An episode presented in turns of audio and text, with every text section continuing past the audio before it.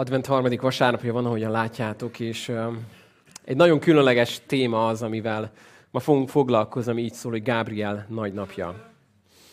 Keveset foglalkozunk az angyalokkal, az arkangyalokkal, és mondhatnátok, hogy mégis hogy jött ez most rám, hogy vasárnap, hogy vasárnap is karácsony előtt vegyük ezt elő. De mindjárt meglátod, hogy mi volt Gábriel életének a nagy napja. Egy kicsit először hadd hozzak egy kis bevezetőt. A Biblia nem sokat beszél az angyalokról kellően keveset ahhoz, hogy nagyon kíváncsivá tegyen minket, és kellően keveset ahhoz, hogy nagyon sok titkos és titokzatos vakfoltot hagyjon az életünkben velük kapcsolatban. De amit elmond, az elképesztően beszédes. Arkangyalok alatt azokat az angyalokat értjük, akik ilyen fő angyal titulusba vannak valahogy, legalábbis a mi megfogható elképzeléseink szerint, és ide sorolhatjuk mondjuk Mihály arkangyalt, Gábriel arkangyalt, nem apró dolgokat szoktak ők csinálni. Hogyha felütöd a Bibliádat, akkor meg fogod találni azt például, hogy Mihály a Judás levelében le van írva, hogy egy nagyon kemény, heves vitába volt az ördöggel Mózes teste kapcsán. És itt nézzük, hogy te jó ég, mi ez az egész. Körülbelül 22 éven van csütörtök, hogy odaérjünk Judás leveléhez még. Úgyhogy még nem annyira izgulok, hogy ezzel erőkeljem a prédikánon. Van róla elképzelésünk, de egy nagyon érdekes pillanat, hogy mit csinált ő, és miért kellett nekik Mózesnek a teste. Aztán azt olvasott, hogy a jelenések 12-ben, hogy Mihály az angyalok vezetésével elindul, és egy elképesztő nagy háború kezdődik az angyalok és az ördög seregei között, és levettetik a vádló a mennyből. Szóval ezek nem ilyen apró, kedves kis lények, ahogyan talán néha ábrázolják őket, ilyen kis, nem tudom, fél éves, egyéves, jól meghízott, tápszeres kisbabák szárnyakkal, hanem ezek nagyon kemény valakik, akit, hogy a, ha őszintén megnézed, hogy hogy néz ki a bibliai leírásban egy, egy angyal, akkor az nem véletlenül köszöntek mindig úgy, hogy ne félj. Na Gabriel, Dániel könyvében azt olvasod, hogy mikor Gabriel elhozza Dánielnek az üzenetet, akkor Dániel ájultan esett össze, mikor vele találkozott. Majd miután Gabriel átadta az üzenetet, akkor azt írja Dániel, hogy napokon keresztül betegen feküdtem otthon, ennek a súlyától. Majd utána szépen lassan visszatértem az életre. Csak képzeld el, hogy mikor Dániel találkozott ezzel az angyallal, az olyan elképesztő erővel hatott rá, hogy azt mondja, hogy napokig az kisebb bírtam kelni az ágyból. Olyan, annyira elcsodálkoztatott ez az egész, és valahogy úgy ére nehéz visszaadni, de hogy kicsit a bűvölete alatt voltam még a következő napokban. Utána majd visszatértem, és csináltam tovább a dolgomat. Szóval ezek az angyalok nagyon kemény emberek. Kemény emberek, kemény angyalok, jó? Maradjunk akkor már hitelesen. Kemény valakik lehetnek. Hogyha ha lehetne közelebb hozni őket, angyali elit kommandó, vagy nem tudom, SCS, SEAL team, vagy hogy a magyarok mondjuk, akkor TEK, azon gondolkodtam, hogy a DEC, a démon elhárító központ, az lehet, hogy jobban lefedné őket, de bárhogyan is próbáljuk őket megfogalmazni, nem tudunk mit kezdeni velük. Rémisztő, hatalmas, természetfelti lények számunkra most. És olyan küldetéseket kaptak Istentől, amik mind ilyenek voltak.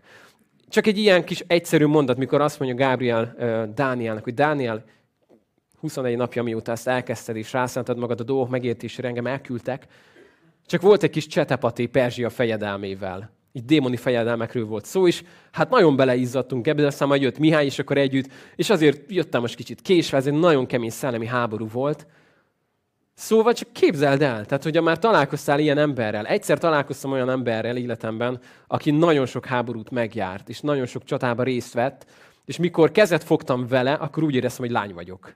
Megszorította a kezem, elkezdett ropogni, és láttam a szemében, hogy nem akarom tudni, hogy mennyi mindent élt át ez az ember. És milyen küldetéseken, milyen kiküldetéseken volt. És csak képzeld, amikor így Gábriel azt mondja, hogy figyelj, Dániel, most jöttem egy elképesztő, heves szellemi háborúból, de itt vagyok, szóval figyelj! Elképesztő lehetett. És mi volt Gábrielnek a nagy napja? Amikor Perzsia fejedelmével küzdött, vagy amikor, amikor Mihályal elképesztő, számunkra ismeretlen harcokat vívtak. Lukács első fejezetéhez, ugye lapozol, akkor ott fogod meglátni, hogy szerintem mi volt Gábriel életének a legnagyobb napja. Közben a Bibliámat innen én is előveszem. Lukács egyhez, hogy a lapozol, egy hete Zakariásnak a történetével foglalkoztunk, és azt néztük meg, hogy ott mi történt. De most lapozzatok a Lukács 1-hez, és a 26. verstől fogom olvasni tovább. A folytatás most kicsit Zakariásról átmegy a kamera, és megnézi, hogy másik oldalt is beindul az eseménynek a láncolata. Lukács 1.26-tól így szól. A hatodik hónapban pedig Isten elküldte Gábriel angyalt, Galilea egyik városába, Názáretbe, egy szűzhöz, aki a Dávid házából való József nevű férfiúnak volt eljegyezve. Most álljunk meg egy pillanatra. Szóval emlékszel, hogy milyen küldetései voltak eddig ennek a Gábrielnek? Képzeld, hogy szól neki az hogy Gábriel, gyere, rád van szükség. Menned kell, el kell juss el Dánielhez, de elképesztő helyen kell átvágni ott a szellemvilágba. Uh, nagyon nehéz lesz, minden erődre szükséged lesz, valószínűleg egyedül nem is bírsz, de majd küldök erősítés, Mihály majd úton lesz. Szóval ilyesmikbe volt eddig ő benne. És képzeld el, hogy eljön a pillanat, hogy azt mondja neki az atya, most csak hagyjátszok el én a gondolattal, hogy Gábriel, eljött a nagy napod. Eljött az az óra, amire teremtettelek téged. Életed legfontosabb küldetése. Gábriel tűkönül, hogy mi jöhet, mi jöhet ezután, még, még mindig ott vannak rajta a hegek az előző csatákból is. Mi jön most, uram? Gábriel, el kell menni Izraelbe. Tudtam, Izrael, minden fontos dolog ott történik. Mit kell tegyek? Köze van a rómaiakhoz? Köze van valami, nem tudom, hú, görögök, ez valami nagy-nagy. Gábriel, el kell menjél, és egy nagyon fontos emberrel kell találkozz. El kell neki mondja egy üzenetet. Ki? Király? Főpap? Sanhedrin? Hát Gábriel ez inkább egy, egy lány, egy tini lány. A szakértők szerint 13 és 15 év között lehetett ekkor Mária. Szóval el kell menni le ez a Máriához, um, egy tini lányhoz, aki lehet, hogy még mindig ott vannak a pattanások, lehet, hogy végtelenül egyszerűen éli az életét, és egy egyességben él, van egy szerelme, reméljük József. El kell menni hozzá, és el kell neki mondják valamit. Ennyi. Elmondani, uram, hát ő, én értem én, hogy ez van, de hogy annyi kis angyal várja, hogy ilyen kis semmilyen dolgokat csinálhasson. Nem? Tehát küld már el azt a kis zöldfülűt, az még soha semmi fontosat nem csinált. Az hadd menjen, nem mondja elő. Én, én azért érzed azt, hogy én ennél egy kicsit többre vagyok kvalifikálva, nem? Tehát, hogy ez nem illik az én uh, képzettségemhez. Uh, ez, ez olyan, mint hogy nem tudom elvégezni nyolc diplomát, és valaki azt mondja, hogy figyelj, le tudnád írni az abetűt ma az elsősöknek? És mondanád, hogy hát sok ember le tudná írni az abetűt az elsősöknek, mondjuk egy másodikos. És azt mondja neki az Isten, Gábriel, neked kell menjél, mert ez életed nagy napja. Itt fog elkezdődni az, amire, amire mindent felfűzünk. Amit megígértem a teremtés után a bűnesetnél, hogy helyre fogom állítani. És hogy eljön majd az asszonynak a magja, az most fog elindulni. Ez a legfontosabb üzenet, amit valaha a Föld hallott. És akkor Gábriel elmegy, és néz, mi történik. A szűznek pedig Mária volt a neve. Bement hozzá az angyal, és ezt mondta neki. Örülj, kegyelembe fogadott, az Úr van veled, áldott vagy te az asszonyok között. Ő pedig nagyon zavarba jött a beszéd hallatán, és elgondolkodott, hogy micsoda köszöntés ez. Annyira aranyos ez a leírás, nem? Tehát, hogy megjelenik egy ilyen Gábriel kalibelű angyal, és még Máriának annak is arra is van ide, hogy elgondolkodjon, hogy miféle köszöntés ez. Mi az, hogy őrmegyek meg? Mi az, hogy, hogy kegyelembe fogadott? Ez sokat jelentett Máriának, mert azt kell kegyelembe fogadni, akinek szüksége van kegyelemre. Már csupán ebből a mondatból tudhatjuk, hogy ő nem volt tökéletes ember, ahogy egyikünk se. Szüksége volt neki is, hogy a kegyelem befogadja őt. De azt mondja neki az angyal, hogy örülj Mária, mert kegyelembe fogadott vagy. És nézd, az angyal ezt mondta neki, ne félj Mária. Azért vártuk ezt a mondatot is, nem?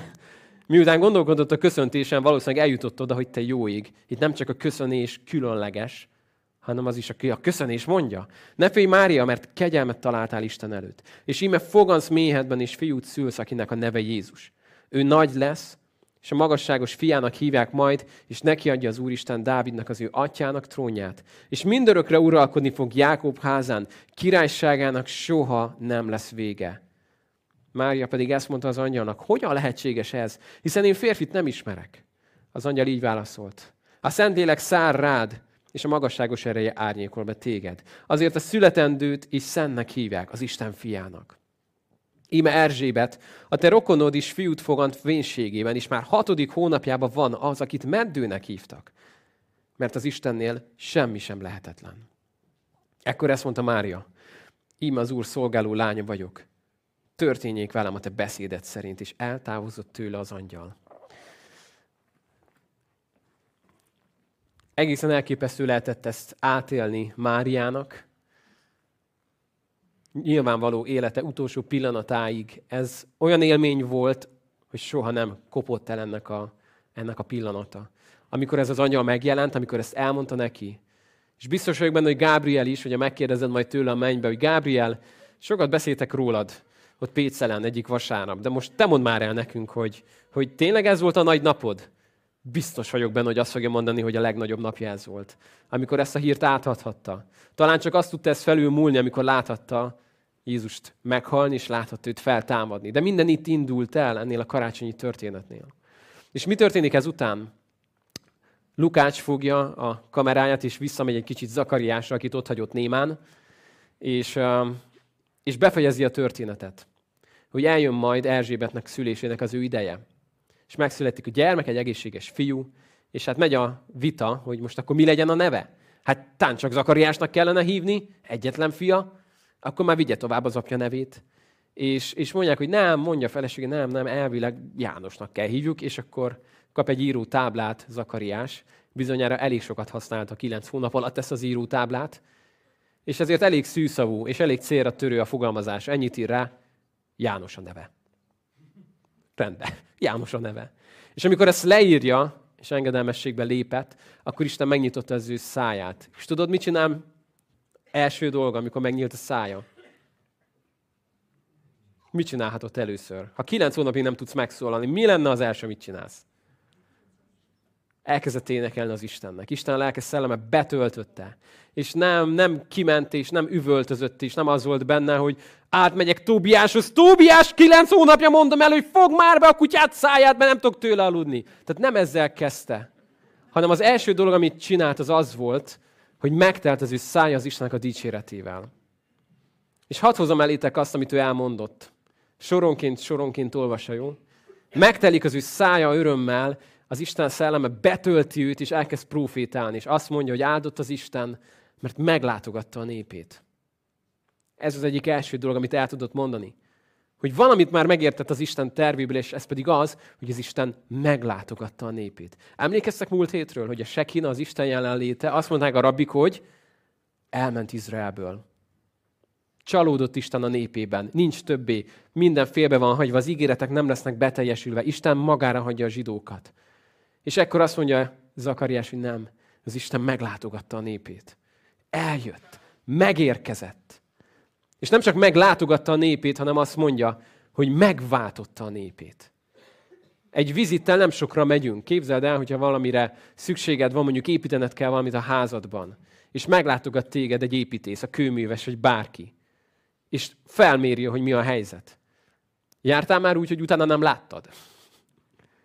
Nem sokat értél az első látogatásával, mert meglátogatott, megismerted, telefonszámot cseréltél, és soha többet nem láttad. Mit értünk volna csupán azzal, hogy Isten meglátogatja a népét? De csak ennyi. Meglátogat, és azt mondja, hogy hát ez tényleg mentetetlen, itt tényleg mindennek vége, nincs mit tenni. De az Isten megváltotta az ő népét. Van a házunkban egy varázsfiók. Nem kell megérni semmi mágia, az a varázsfiók, ez a háznak az egyik legfontosabb része, életmentő dolgok vannak benne. Ugyanis naponta törnek el játékok, és szakadnak el, és romlanak el, és van ez a fiók, ez, a, ez az apa fiók. Ebbe, ebbe olyan varázszerek van, mint egy csillag csavarhúzó, egy mínuszos csavarhúzó, elem, mindenféle fajta, és ami nélkülözhetetlen pillanatragasztó. És amikor valami elromlik a gyerekeknek, valamelyik játék elromlik, akkor megvan az a hely, ahol rakni kell az elromlott játékokat. És oda lerakják a játékot apának, hogy majd az apa a varázs fiókkal majd valamit kezdeni fog. És annyira szeretem azt a pillanatot, mikor, mikor látom azt, hogy jön ki az egyik gyerek, és, és potyog a könnyek, krokodilcseppek zuhannak a földre, kezében a ketté szakadt játék, és kihozza oda nekem, és rám néz, és, és látod szavak nélkül, hogy az, az, az van benne az az egy kérés, hogy menthető. Menthető. És eddig, hála Istennek, százszázalékos hatékonysággal minden egyes esetben azt tudtam mondani, hogy apa megoldja, rak csak le a helyére. És amikor oda visszük az életünket az Istenhez, Uram, menthető, leszakadt a feje, mit lehet még ezzel kezdeni? Nincs már benne élet, lemerült. És az Isten ránk néz, és azt mondja nekünk, hogy menthető. Tudod miért? Mert ő azt mondja magáról, hogy ő a helyre állítás Istene. Hogy abban telik ked, amikor egy életet a helyére tesz. Amikor valamiből varázsol, értsd jó lesz a szót most. az ő kegyelmével egy új életet, egy helyre állított életet. És amikor oda viszed az elrontott életedet, és azt mondod, hogy én nem, nem tudok mit kezdeni vele, a gyerekek is mindig először megpróbálják ők megszerelni. Ez azt jelenti, hogy nekem már nehezebb lesz utána megszerelni. Hogyha láttam már ilyen híret, és beszélgettem egyszer egy autós szerelővel is, mondta, hogy elmondta, mi a gond, és mondta, hogy ennyibe fog kerülni. Azt mondja, hogy ha, ha esetleg próbálja otthon megszerelni, akkor kétszer annyiba fog kerülni. De mondom miért? Hát azért, mert úgy el fogja rontani, hogy nekem sokkal nehezebb lesz azutána valamit kezdeni vele. De ha egyből idehozza nekem, én meg tudom oldani. És hogyha fogod az életedet, és egyből oda viszed az Istenhez, és ránézel, hogy Uram, menthető, akkor annyira jó, hogy az Isten százszázalékos hatékonysággal azt tudja neked ma mondani, menthető. Meg tudom oldani. Csak neki nem egy fiókba kell leragd, hanem azt mondja mindig, hogy tudod mit? Rak csak oda a kereszt lábához. Rak csak oda. Ott van minden eszköz, amire szükségem van a kereszt lábánál. Semmi másra nincs szükségem. Majd úgy folytatja Zakariás, hogy megváltotta a népét, és egy erős szabadítót adott nekünk. Ez nagyon sokat jelent ez a szó egy zsidó fülnek. Mindig, amikor összesereglettek a csapatok egymással harcolni, minden népnek volt egy, egy erős embere, egy góliátja, egy vitéze, utána később egy Dávid, aki mindig, ha megjelent, akkor az egész sereg üvöltött és ordított, hogy itt van az erős szabadítónk, itt van az, aki miatt ma győzi fogunk. Itt van az, aki minket győzelemre fog vinni. És nagyon-nagyon régóta nem volt már semmiféle szabadító Izraelben. Nem csak, hogy erős, semmilyen. Mindenki azt tette, amit gondolt, jónak, rossznak. Mindenki ment a saját feje után, és senki nem tudott megszabadítani. Próbálkoztak a zélóták, évente 10-12 ember messiásnak kiáltotta ki magát, mindent megölték, és semmi nem történt. De azt mondja Zakariás, hogy végre egy erős szabadítót adott nekünk az Isten, és irgalmasan cselekedett velünk. Mert máshogy is cselekedhetett volna velünk az Isten, nem? Irgalmatlanul. Bevasalhatta volna rajtunk. Minden igazságát, szentségét. A zsidó nép ezt nagyon jól értette, hogy milyen, mikor az Isten meglátogatja a népet. Ott a törvényadásnak a hegyénél, mikor csak messziről látták, hogy ott van fenn az Isten, annyira megijedtek tőle a jelenlététől, hogy azt mondták Mózesnek, hogy figyelj Mózes, mit közös összedugtuk a fejünket, és végre egyetértünk valamibe, hogy mostantól csak te mész oda fel. Mi, mi, mi ebből kimaradnánk, jó? Ez annyira rémisztő volt az embereknek, annyira erőteljes volt az Istennek a jelenléte, hogy talán ezt majd kicsit újra fel kell ismerjük, mikor mi szeretnénk bezárni Istent egy kis dobozba, és odarakni, mint egy aranyhalat, hogy legyen az életünk része, mint a berendezéseink része, legyen az életünkbe ő is egy kis szerepen. Az Isten nem lehet így bezárni. Amikor ott volt a hegyen, megrendült ez a föld. És az emberek azt mondták, hogy te jó, mi nem ismerünk a közelébe menni, annyira erőteljes. De az Isten eljött, és irgalmasan jött el. Azért, hogy amikor megszületik Jézus, akkor ne a félelem, és ne a föld rengés, hanem az irgalmat lássuk meg benne, hogy az Isten eljött. És megüresítette önmagát. Tudod, mit csinált az Isten? Lehajolt hozzánk. Nagyon mélyre hajolt. És ebben a szóban, hogy lehajol, annyi minden benne van. Jézus nem csak a születésekor hajolt le. Ez egy elképesztő lehajolás volt amikor lehajol odáig, hogy emberré lesz. Nem tudjuk felfogni ennek a súlyát. Azt fel tudjuk fogni, hogyha nem tudom, nézek egy hangyát, és nézem, hogy mit csinálnak, meg milyen furcsa kis lények, nem akarnék hangya lenni. De hogyha én hangya lennék, az nem lenne olyan nagy változás, mert én csak emberből lennék egyfajta állat. De az, hogy a Teremtő Isten megüresíti önmagát, és belép a teremtett világnak minden keretébe, és hat rá az idő, hat rá a fáradtság, hat rá annyi sok minden, ezt el nem tudjuk képzelni. De tudod, nem csak karácsonykor hajolt le az Isten. Hadd neked egy néhány példát, amikor Jézus lehajolt élete során. Azt olvasod, hogy amikor a parázanőt kiráncigálják, hogy megkövezzék, körülállják a zsidó vezetők, idősek, vének, papok, és látják Jézust, aki ekkor már, ha nem is mindenki által elismer, de egy tekintélyes rabbinak számított a nép körében, ezért várták, hogy ő mit fog mondani. Tudod, mit csinált Jézus? Lehajolt, lehajolt a földre, két dolog miatt. Lehajolt az asszonyért. És lehajolt azért, hogy valamit írjon a földbe. Nagy rejtély, hogy mit írt a földbe. Nekem van rá néhány ötletem. Mert azt mondta, az vesse rá az első követ aki büntelen. El tudnám képzelni azt, hogy Jézus körülnéz, meglátja a papokat, a vezetőket, és csak felírja a nevét, és elkezd aláírni. Nem tudom. Lehet, hogy odaírta az aznapi vétkeiket, amik titokba, hazugságok, képmutatás között történtek. Mert azt olvassuk, hogy a, a vezetők az idősöktől kezdve elmentek onnan.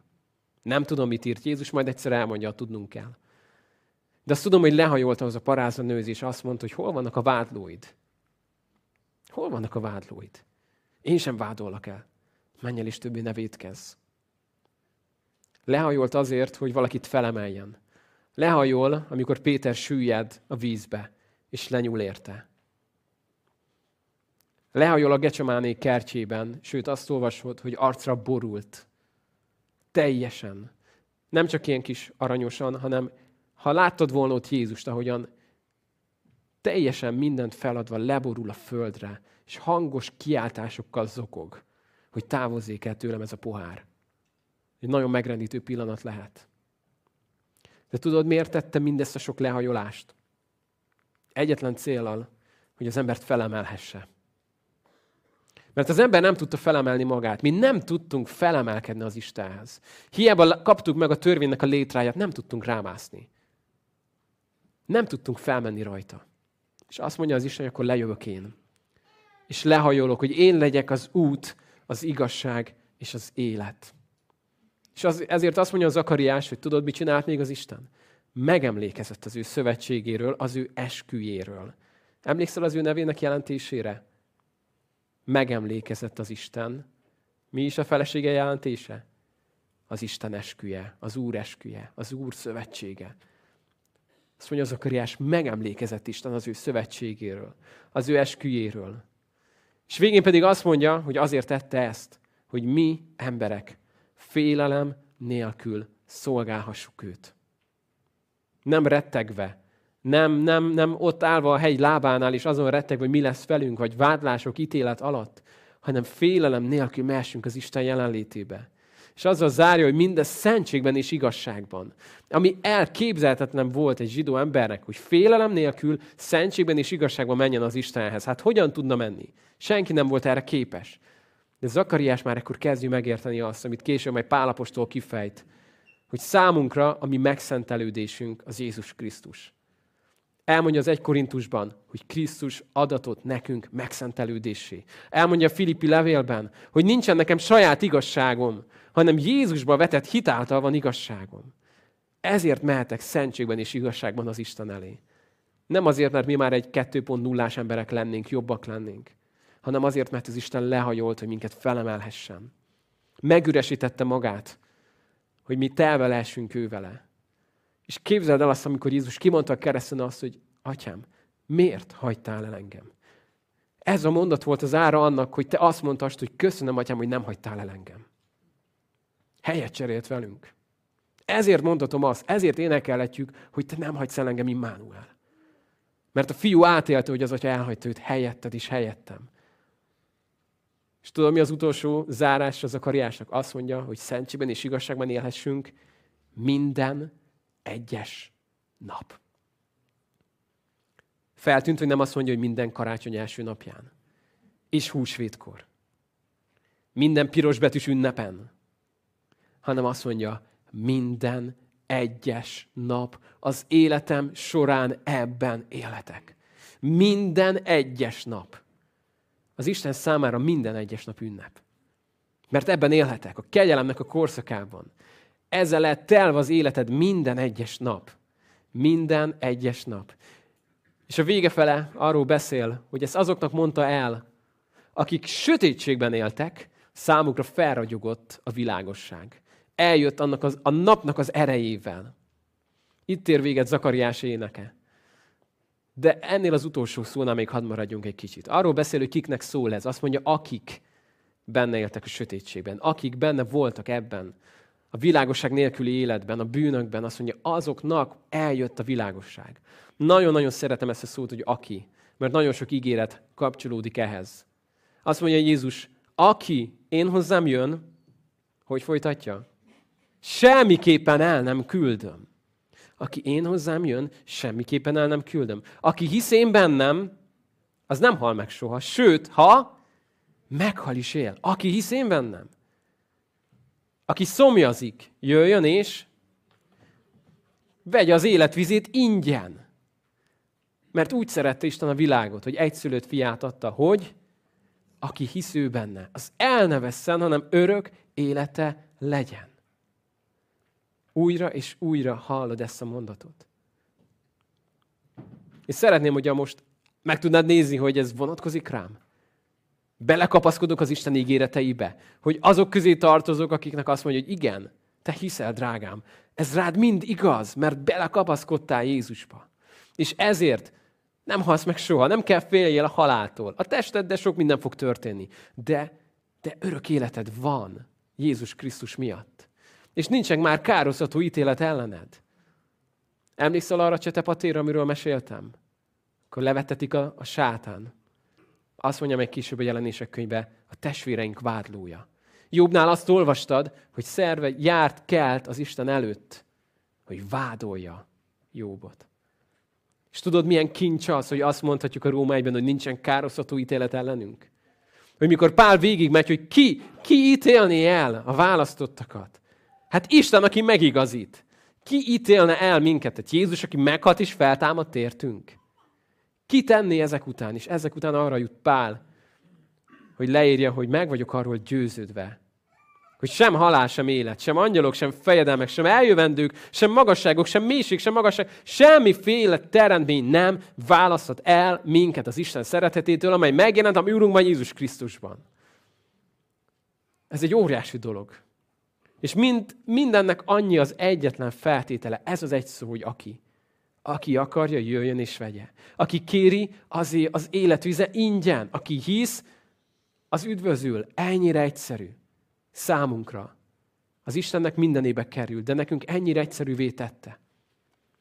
Hadd olvassa fel nektek egy rövid történetet befejezésként.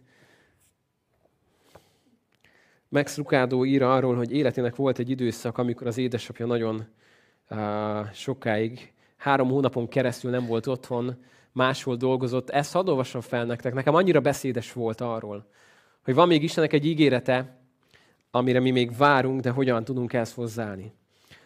Apukám egyszer bevállalt egy három hónapos munkát New Englandben, abban a reményben, hogy keresed egy kis plusz pénzt. Tíz éves voltam akkor félúton a kerékpárok és a barátnők iránti érdeklődésem között. Sokat gondoltam a baseballra, a rágógumira, de nem mondhatnám, hogy a Maine állambeli bangora sok gondolatot fecséreltem volna, míg apa oda nem ment. Mikor oda utazott, megkerestem a várost a térképen. Kiszámoltam, milyen messze van a texasi pusztáktól a rákokkal szórt tengerpart. A tanárom megengedte, hogy írjak egy hosszas beszámolót erről, apa pedig küldött nekünk egy üveg juharszirupot. Családunk két világban élt, a miénkben és az övében. Sokat beszéltünk apám hazaérkezéséről. Mikor apa hazajön, megjavítjuk a kosárlabda hálót. Elmegyünk a nagy éghoz, majd későig fennmaradunk. Anya vigasztalásra és figyelmeztetésre is használta a visszatértét, mindkettőt ugyanazokkal a szavakkal. Szelít bizonyossággal. Apátok nem sokára itthon lesz. Vagy összeszorított fogakkal. Apátok nem sokára itthon lesz. A naptárba bekarikázta az érkezése napját, és minden eltelt napot kihúzott. Világosá tette, hogy apu hazatérése nagy dolog lesz. Az is volt. Négy évtized koptatta már azóta a memóriámat, de ezek megmaradtak benne az Old Spice váratlan illata a házban. Apa mély, búgó hangja, ajándékok mindenütt, és a minden rendben van boldogító érzése.